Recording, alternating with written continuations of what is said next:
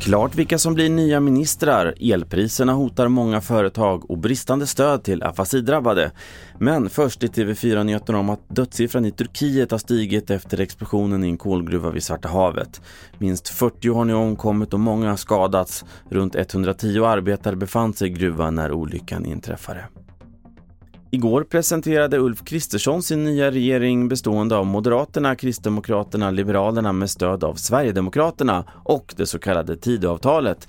I Nyhetsmorgon berättade Kristdemokraternas partiledare Ebba Busch att det nu är klart vilka som blir ministrar.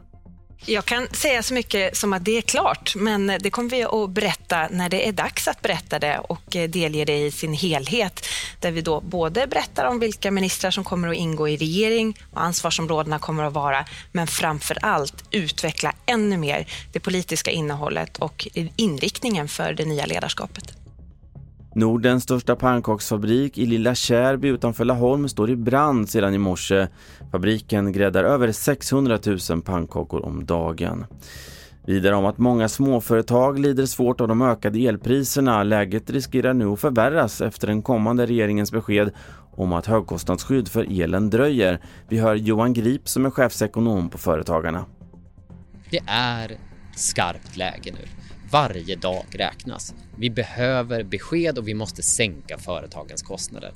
Det spelar roll eh, om vi får besked imorgon eller den 15 november och vi behöver svaren direkt. Sist om att varje år drabbas upp till 9000 svenskar av språkstörningen afasi, men många får inte det stöd som rekommenderas av Socialstyrelsen. Lilian Larsson som är ordförande på Afasiförbundet vill att både kommuner och regioner anställer fler logopeder. Vi får rapporter om att ibland att man, man, man eh, inte låter patienter ens träffa en logoped, kanske inte ens efter akutstadiet.